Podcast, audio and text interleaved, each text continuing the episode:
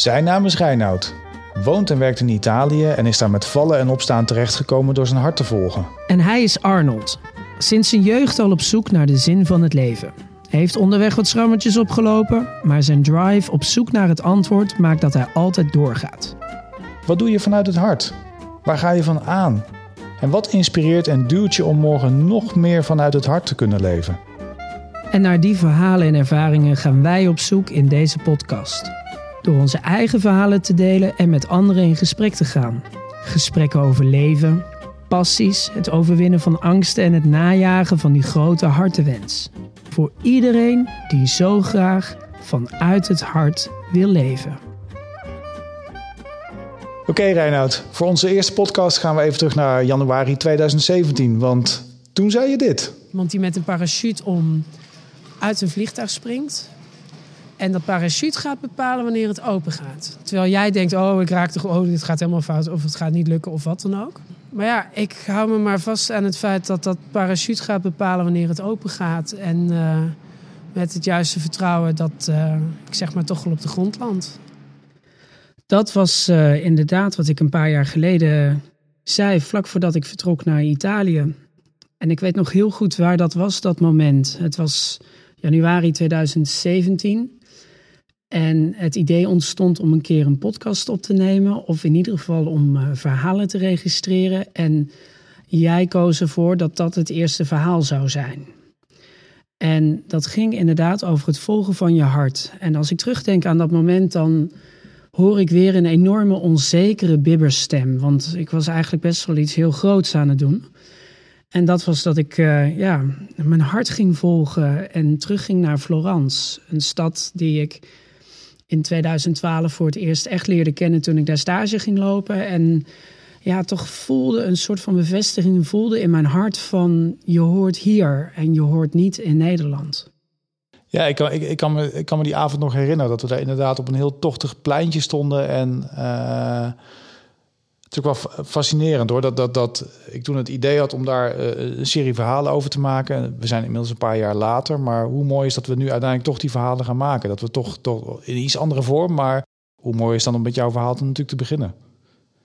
Ja, dat is leuk. Dat is leuk. En vooral omdat we nu inmiddels een x aantal jaar verder zijn. En dan ga je toch kijken van, goh, hoe, hoe was dat dan om je hart te volgen? En, en waar staan we dan nu? Die recap, denk ik, is wel heel interessant om eens naar te gaan kijken. En dat is uiteindelijk ook het doel van deze podcast. Van ja, wat is het nou vanuit je hart of je hart volgen of wat dan ook? En wat komt er allemaal, aan, allemaal bij kijken? Nou, wat komt er allemaal bij kijken? Ja, goede vraag. wat komt er bij kijken? Nou, um, Kijk, ik, zal heel kort het verhaal uitleggen. Ik was natuurlijk in 2012 erg geraakt om hier in Florence uh, aan te komen. En, en geraakt door dit land en deze stad en het leven hier. Maar het is nog niet zonder slag of stoot gegaan. Ik heb wel iedere keer geprobeerd om te emigreren, maar toch ging ik steeds weer terug naar Nederland. Toen ik in 2014 mijn master afronde en een stage liep en hoopte op dat stageadres te kunnen blijven. Dat was wederom in Florence. Um, toen lukte dat niet. En um, toen heb ik nog gekeken of ik uh, een baan kon krijgen ergens, maar dat lukte ook niet. Toen heb ik uiteindelijk geprobeerd om in een eh, start-up constructie verder te gaan. Dat ging helemaal fout en dat heeft er uiteindelijk toe geleid dat ik weer terug naar Nederland ben gegaan. Eigenlijk omdat ik totaal niet wist wie ik was, um, waarom ik hier was en ja, wat ik eigenlijk te doen had met mijn leven en mijn carrière. Maar was geen dan, idee. Was het dan dat je je hart volgde, maar dat het mislukte? Of? Nou, ik denk niet dat ik daar mijn hart aan het volgen was. Ik denk dat ik daar vooral bezig was om mezelf te bewijzen dat ik überhaupt mijn hart kon volgen. Dus dat is zeg maar een beetje de over, tegenovergestelde richting van je doet iets met je hart, maar eigenlijk doe je het met je hoofd. Oh ja. En je doet het niet voor jezelf, maar je doet het voor anderen. Want ik wilde natuurlijk na al die jaren van studie en al dat geld wat er in die studie was gaan zitten, wat mijn ouders betaald hebben voor me, ja, wilde ik eigenlijk gewoon laten zien dat ik het wel kon. Het was gewoon bewijsdrang. Exact. En op die bewijsdrang ging het natuurlijk fout.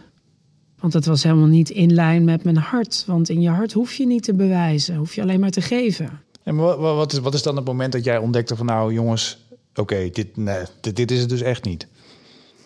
Nou ja, toen mijn spaarpot leeg was. En ik Oh het idee had dat ik iedere, te- iedere dag tegen de bierkaai aan het vechten was. En zoiets had van, ja, weet je, dit gaat gewoon niet werken.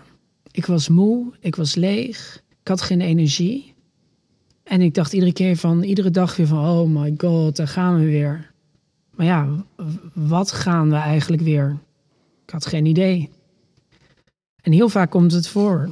Ja, Wat was dan het ultieme dieptepunt? Kun je dat eens omschrijven? Ehm, het ultieme dieptepunt was dat ik mijn vader belde en zei van het gaat niet werken, kun je me helpen om terug naar Nederland te komen? En dat ik met kerst aan tafel zat en dacht, oké, ik woon weer thuis. En dit was het. Het voelde zo als falen, want je ging met zo'n hoge verwachting ergens in. En die verwachting kwam niet uit. En het voelde echt als een biggest, worst failure ever. Dat heeft heel veel pijn gedaan. Falen naar jezelf of ook naar de anderen toe? Waar je, waar, die anderen bij wie je iets wilde bewijzen? Nou, ik, eh, voor hun was dat niet zo. Ehm, maar ik was wel gewoon Spartaans tegenover mezelf. Van dit had moeten lukken. En nou zit ik een beetje in interviewmodus, maar wat, wat, wat was dan het moment dat... We, we hebben het nu over dieptepunt, zeg maar, maar uiteindelijk kwam er ergens een soort kentering. Want uiteindelijk eh, vond je de weg wel, zullen we maar zeggen. Ja, nou ja, weet je, heel vaak ehm, wordt, er wel, wordt er gezegd dat ehm, op je, in, in je donkerste moment is er altijd ergens een puntje van licht. Hè, dit, en al die clichés van eh, je hebt de schaduw nodig om het licht te kunnen zien en dat soort zaken. Nou ja, ehm, hoe, wat voor open deuren het ook zijn, op het moment dat je in dat donker zit en dat lichtpuntje ziet, dan is dat inderdaad wel heel bijzonder. En wat was dat En lichtpuntje dan? Ja, dat lichtpuntje, daar wist ik geen eens dat dat überhaupt een lichtpuntje was. Dat was een ontmoeting die ik had met een mevrouw op een gegeven moment. En eh, zij vroeg mij naar mijn verhaal. En dat kwam omdat ik, zeg maar, mijn tragische eh opera-stuk over failure in Italy was ik aan het opschrijven. Want ik dacht, misschien schrijf ik er nog wel een boek over en word ik op die manier schat hemeltje rijk. Was je memoires aan het schrijven? Mijn memoires, ja, dat is ook lekker verstandig als je begin twintig bent. Maar goed, dat geeft niet. Je kunt er niet vroeg genoeg mee beginnen. hè? Ja. En, eh, en die mevrouw vroeg me naar mijn verhaal. En toen ze mijn verhaal hoorde, heeft ze gevraagd of ik een gastlezing wilde geven voor haar studenten. En ik heb ja gezegd om de simpele reden dat ze me ervoor betaalde. En toen kwam ik daar aan en ik eh, kwam er, toen ze mij haar kaartje gaf, kwam ik erachter dat ze van de Erasmus Universiteit Rotterdam was. En vervolgens op de avond zelf kwam ik erachter dat ze de grootste zaal had afgehuurd en dat er ruim 100 studenten naar mijn verhaal kwamen luisteren. En aangezien dat verhaal ging over failure, had ik zoiets van, nou goed, dan kan het, kunnen ze meteen zien hoe failure eruit ziet, want ik ga hier gewoon weer volledig op mijn gezicht. En ging je op je gezicht? Nou, dat dus niet. Het, het gave moment was toen mijn voet het podium raakte en mijn microfoontje werd opgespeld. Dat ik echt voelde dat mijn hart een overslag had en ik kreeg het koud. Ik had kippenvel op mijn armen. En ik ben, zeg maar, in een soort van waas ben ik dat, dat gastcollege gaan geven. En ik hoorde wel gelach uit de zaal en positieve geluiden. Maar de magie kwam pas echt achteraf. Of ja, die was tijdens die lezing wel ontstaan. Maar achteraf kreeg ik daar de bevestiging van. Dat er studenten opgeleid stonden voor mijn bureau. Die mij wilden bedanken voor mijn lezing. Ik had eh, twee meiden die waren in tranen. Die zeiden van ja, maar ik wil al zo lang mijn hart achterna en nu ga ik het echt doen. En die met verhalen kwamen, hartverscheurende, mooie verhalen over kinderen die ze wilden helpen, dat ze naar Afrika wilden gaan, een weeshuis wilden opzetten en dat ik echt dacht van, oké, het zou zomaar eens kunnen zijn dat mijn ervaring een bron van inspiratie kan zijn voor andere mensen van mijn generatie. Hey, en wat ik me nou afvraag, hè, is dat, dat dan heb je daar die, die, die, die lezing gegeven. Dan is er zo'n moment dat je weet je, alles is achter de rug, studenten zijn de deur uit, uh, gastvrouw heeft je bedankt, je stapt naar buiten en je staat buiten. Kun je dat moment nog voor de geest halen? Ja, ik weet dat ik na het eten in de trein stapte.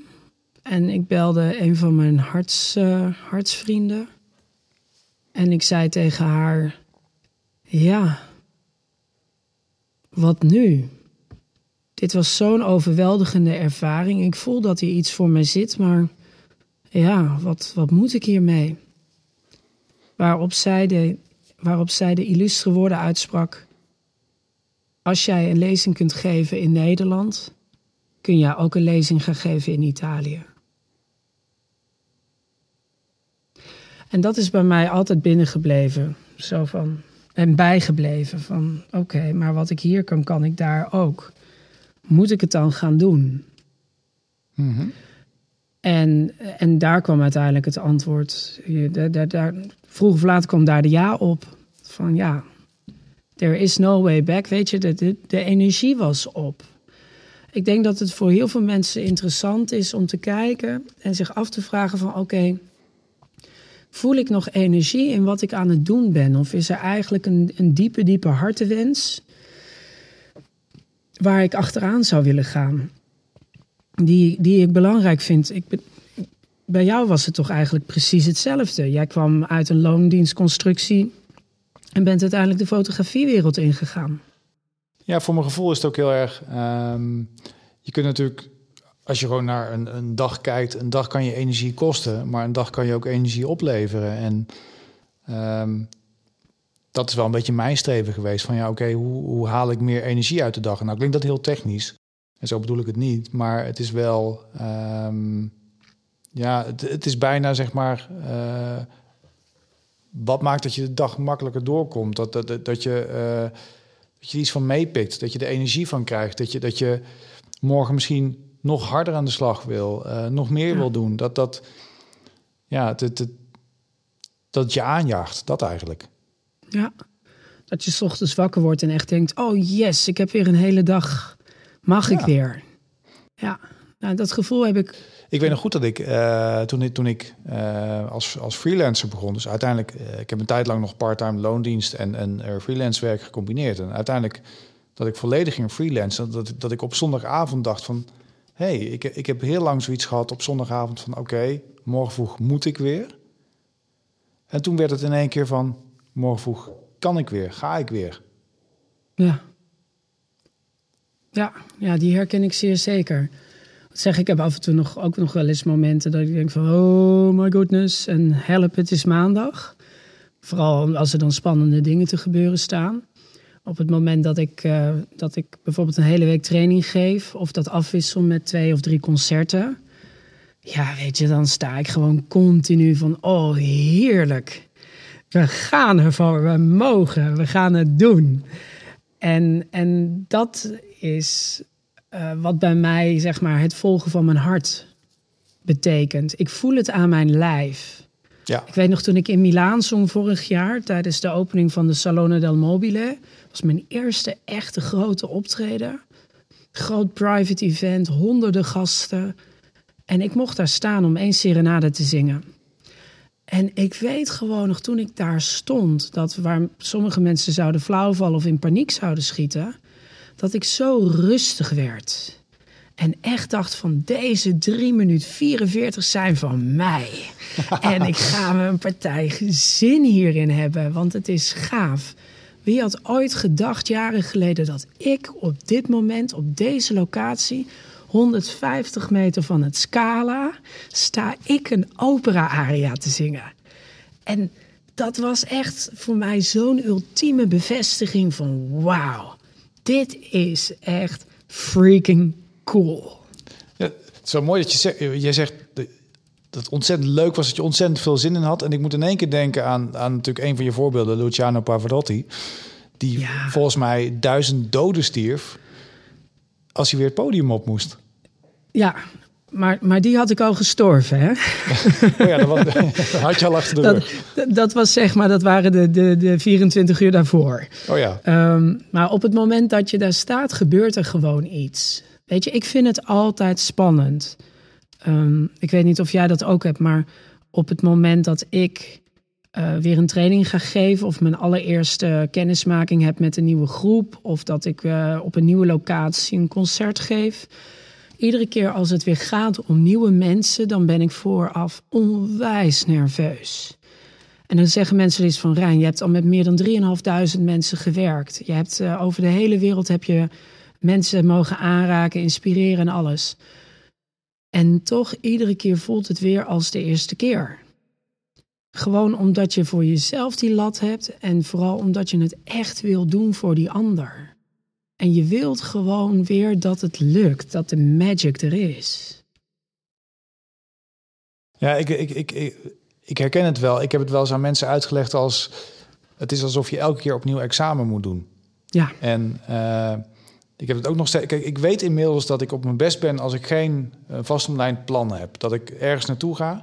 En een van mijn opdrachtgevers heeft het heel mooi ooit uitgelegd als... je bent een zoeker. Je bent iemand die ergens komt om zich heen kijkt, situatie aanvoelt en dan ontstaat er iets. En met dat woordje, je bent, of dat zinnetje, je bent een zoeker, kan ik inmiddels wel een soort van de rust vinden. Maar uh, het is nog steeds hoor, als ik, als ik uh, iemand moet portretteren, dat ik van tevoren geen flauw idee heb wat ik ga maken. En dat beangstigt me enigszins wel. Anderzijds heb ik inmiddels gelukkig wel het vertrouwen dat ik weet van oké, op een gegeven moment gaat het wel lopen. En uiteindelijk komt er iets moois uit. Ja, maar als je mij, voor, als je mij vooraf vraagt van wat ga je maken, mm ik heb geen idee. Nee. Maar wat, wat is dan zeg maar de, de formule daarachter? Want je weet niet, ik bedoel, ik heb, ik heb natuurlijk ook mensen om mij heen die s ochtends met een enorm lang gezicht binnenkomen, slecht geslapen hebben, geen zin hebben, um, bepaalde dingen confronterend vinden. Um, zeker als we het hebben over de coaching op limited beliefs en podiumangsten en dat soort zaken, dan worden mensen heel oncomfortabel van. Je weet het niet. En de een komt uit Latijns-Amerika en is een enorme blok uh, emotie. Uh, en de ander komt uit Azië en is heel gereserveerd en gesloten. Weet je, um, waar zit voor jou dan de, die, die, die verbinding? Of wanneer voel jij hier zit de magic? Ja, het is iets wat je voelt. Het is iets wat je ziet in een oogopslag. Er is een soort chemie, uh, alsof. Uh, weet je, mijn soort fotografie, portretfotografie, is ook heel erg een kwestie van vertrouwen. En uh, mensen moeten zich even open durven stellen. En wat ik merk is dat dat. Mijn, belang, weet je, mijn belangrijkste taak tijdens een fotoshoot is niet dat licht mooi neerzetten of die camera goed instellen of dat decor. Dat zit hem heel erg in uh, het vertrouwen creëren. Dus, dus, dus vertrouwen werken. En dat, dat eigenlijk mijn belangrijkste wapen ben ik zelf. En ja. ik heb wel eens bijvoorbeeld aan mensen uitgelegd van ja, eigenlijk uh, streef ik altijd naar dat mensen een beetje door me heen kunnen kijken. Want als mensen mij kunnen doorzien, dan ja, wekt dat een soort vertrouwen. En daarmee stimuleer ik ze om zelf ook open te zijn. Ja, dus het is eigenlijk ook een vorm van kwetsbaarheid. Zeker. Ik, ik merk bijvoorbeeld in, in mijn vak dat, maar eigenlijk ook in het algemeen, van ik zal altijd de eerste zijn die zich kwetsbaar opstelt. Die eerlijk is, die in zijn hart laat kijken. Omdat ik in, in mijn essentie, maar vooral ook in mijn vak heb gezien dat ik dan um, mensen los kan krijgen. En dat mensen zich gaan overgeven aan wat we op dat moment aan het creëren zijn met z'n tweeën. Ik ben daar wel de katalysator, de generator van. Ja. Want doe ik het niet, dan doet mijn publiek het al helemaal niet. Want het publiek heeft automatisch al iets van: Nou, hallo, jij bent hier de expert, ga jij het maar even doen. Dus op emotioneel vlak is het altijd heel hard werken. Maar op een gegeven moment zie je die opening en dan hap, pak je hem. En daardoor komt dan in één keer alles in een versnelling terecht en gaan de mensen open. Dat is ook uh, inderdaad, uh, het is heel erg vanuit jezelf en je moet vaak zelf de eerste stap zetten. Je moet, moet wij moeten zeg maar, uh, hoe verschillend ons vak ook is, ik bedoel, die methodiek is wel hetzelfde. Dat wij moeten vertrouwen wekken. Dus wij moeten al die eerste stap zetten. En dat, dat, dat merk je ook wel dat dat. Ik kan me shoots herinneren die zo ontzettend intensief waren, omdat je Je moet zoveel vanuit jezelf geven. eh, maar weet je, doe je dat, je wordt altijd beloond.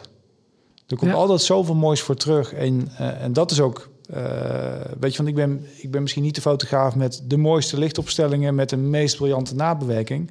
Daar zit het hem voor mij ook niet in. Het zit hem voor mij juist in, kan ik iets van mensen laten zien wat ze normaal gesproken eh, misschien minder makkelijk laten zien.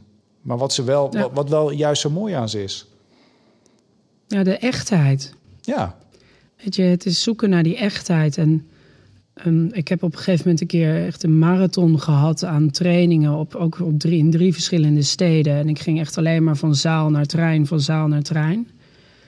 En toen was ik na, na tien dagen was ik gewoon helemaal af. En toen, vroegen ze, toen vroeg een vriendin van mij aan me, was het het waard? En toen zei ik, iedere minuut. Iedere minuut, want ook dat is het volgen van je hart. En het aanlaten gaan van, oké, weet je, het is, het is bijna missieachtig hoe belangrijk het is om het mooi vorm te geven. En ervoor te zorgen dat, dat, ja, dat mensen nog dichter bij zichzelf komen. Ja, wat me tegelijk zo verbaast, maar dat is misschien als ik meer, eh, meer naar mijn vak kijk, is dat, dat het helemaal niet zo'n gangbare praktijk is. Weet je, eh, als je even kijkt, eh, ehm, eh, er zijn hele boeken volgeschreven over authenticiteit en jezelf zijn en kwetsbaar zijn. en de kracht van kwetsbaarheid, om maar iets te noemen. Maar tegelijkertijd lijkt ik soms wel een van de weinigen te zijn die juist dat, dat, die, die echtheid, die authenticiteit naar boven wil peuteren. Ja. Nou, ik denk dat er tussen droom en daad staan heel veel, eh, heel veel, heel veel zaken.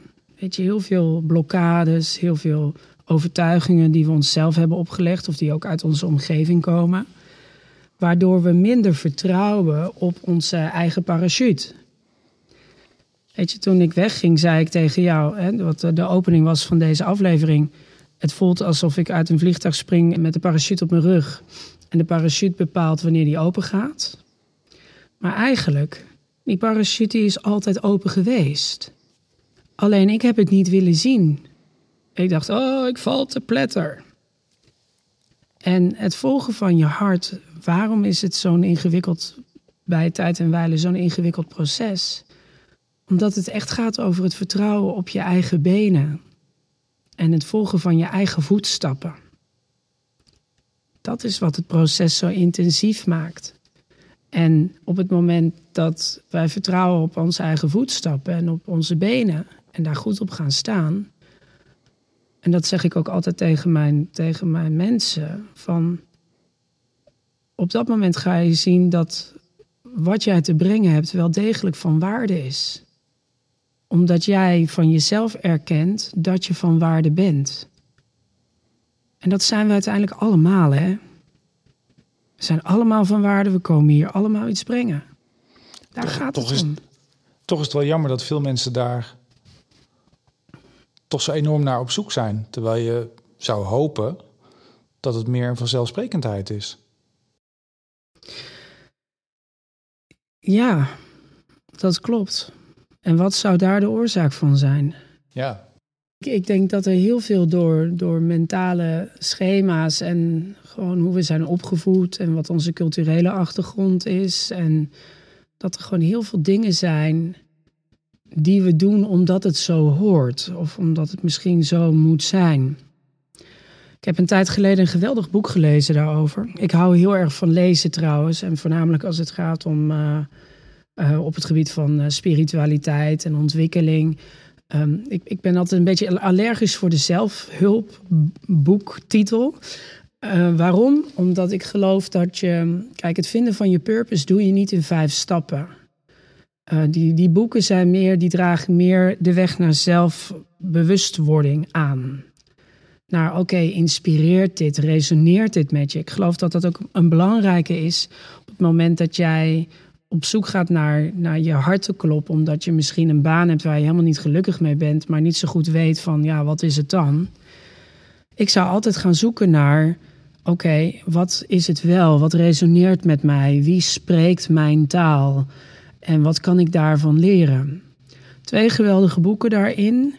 Ehm, voor mij is een turning point geweest ehm, toen ik de autobiografie van Nelson Mandela heb gelezen, The Long Walk to Freedom, wat voor mij echt een eye-opener was van oké, ehm, weet je, ik heb een belangrijke missie in dit leven en hoe ga ik ervoor zorgen dat die missie, missie tot uiting komt om een hele natie te kunnen bevrijden van onderdrukking, verdriet en uh, al die andere thematieken waar, um, waar Zuid-Afrika toen de tijd tegenaan liep en nog steeds.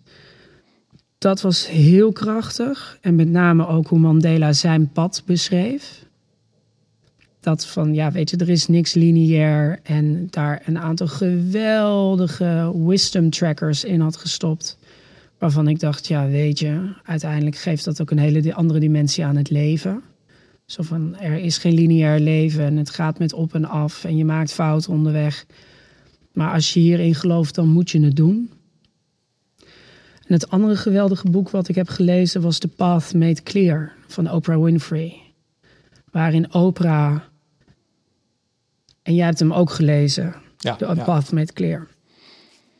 Waarin Oprah, nou misschien wil jij vertellen waar het boek over gaat. Want jij zei daar laatst ook geweldige dingen over, over de path.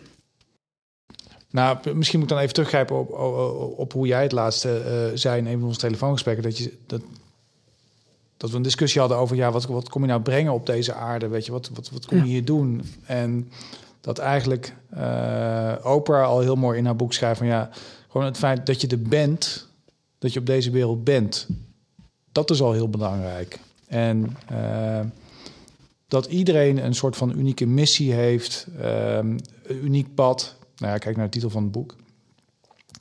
En dat de kunst is om dat pad te vinden. En eh, het staat natuurlijk boordevol met, met, met, met eh, quotes of anekdotes van, van, van, van talloze mensen. Maar haar eigen verhaal vind ik ook fantastisch. Dat ze op een gegeven moment... eh doet me bijna een beetje denken aan wat jij straks vertelde over de Erasmus Universiteit. Dat zij op een gegeven moment, eh, als ik me dat goed herinner, ergens een tv-uitzending moest gaan doen. En dat ze in één keer ontdekte van, dit is wat ik kan. Hier kan ik, hier kan ik iets bijdragen aan de wereld. Hier kan ik iets betekenen eh, wat van waarde is. Ja, dat is het verhaal van de ijskoopboer. Ehm Oprah kwam heel vroeg in haar leven al bij de televisie te werken, omdat ze op een gegeven moment een keer eh, had meegedaan aan een, een of andere wedstrijd. En toen hebben ze gevraagd of zij haar stem wilde verlenen aan het inspreken van een radiospot. En toen hebben ze die stem gehoord en toen hebben ze gevraagd of ze op het nieuws wilde komen als reporter. En toen heeft ze dat gedaan. En dat ging wel goed. Het enige was dat zij te emotioneel was als mensen in de problemen zaten. Dus dan was zij, had ze bijvoorbeeld een reportage gemaakt in een eh, gebied waar een eh, orkaan was geweest.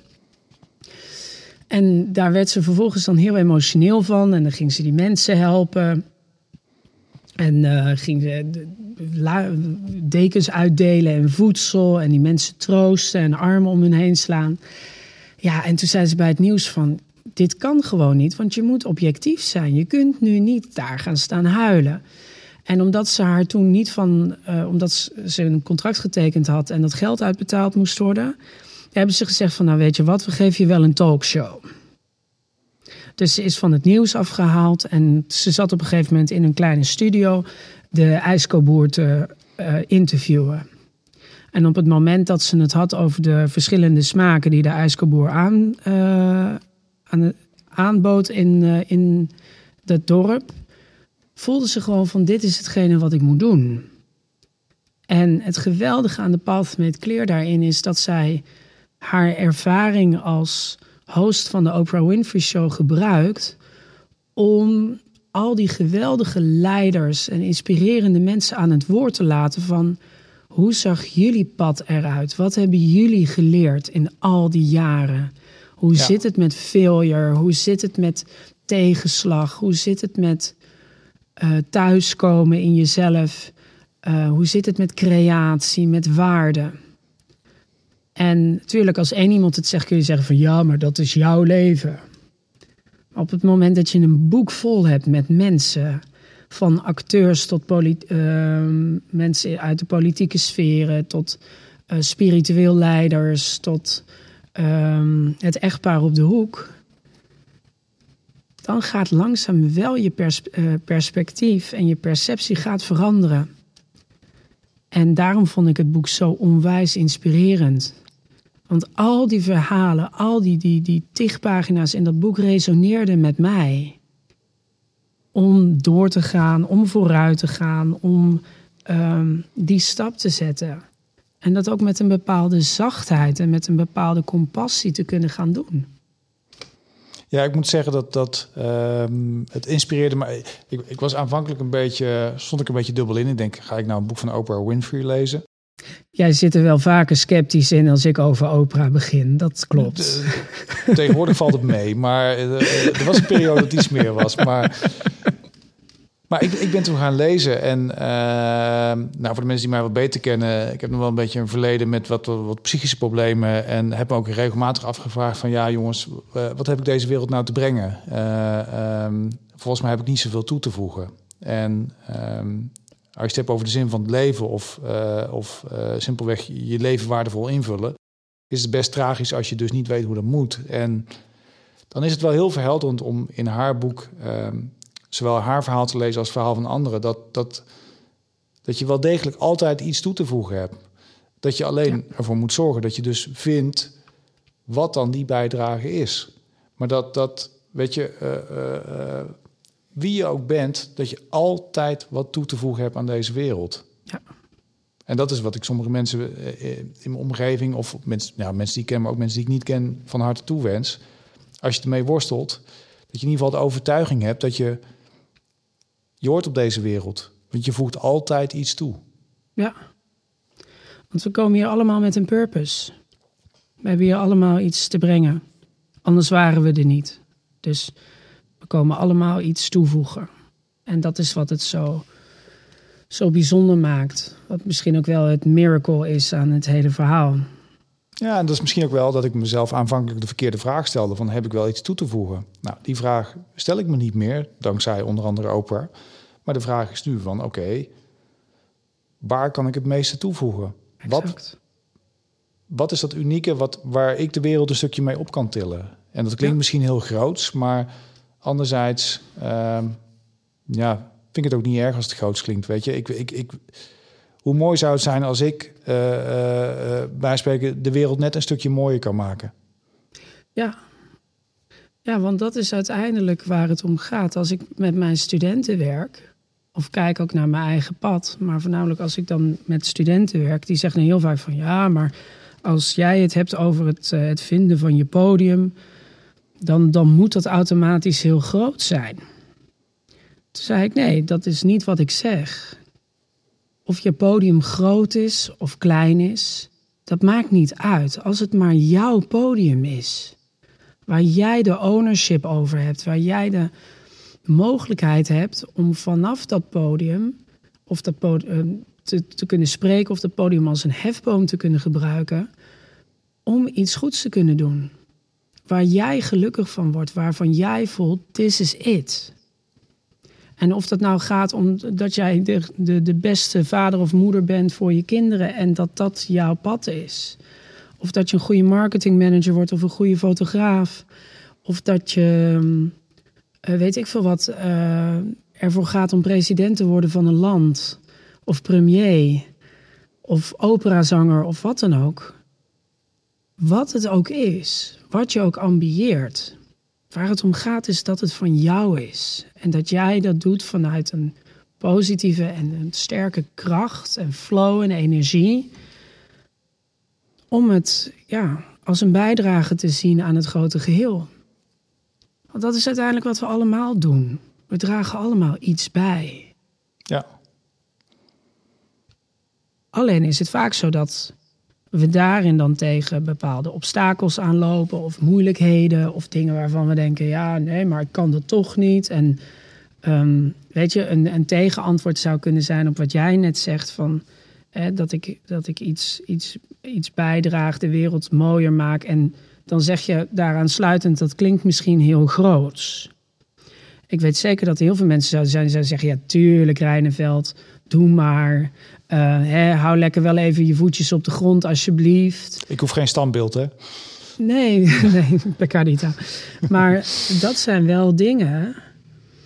Dat, dat hoor je heel vaak. Kijk, mensen die heel, heel mooi en groot willen dromen, omdat ze gewoon voelen van hier ligt mijn hart, worden heel vaak teruggefloten door de maatschappij van ja, tuurlijk, ja hoor, jij denkt dat wel even te kunnen. Ja, waarom zou je het niet kunnen? Waarom zou je er niet een gooi naar gaan doen?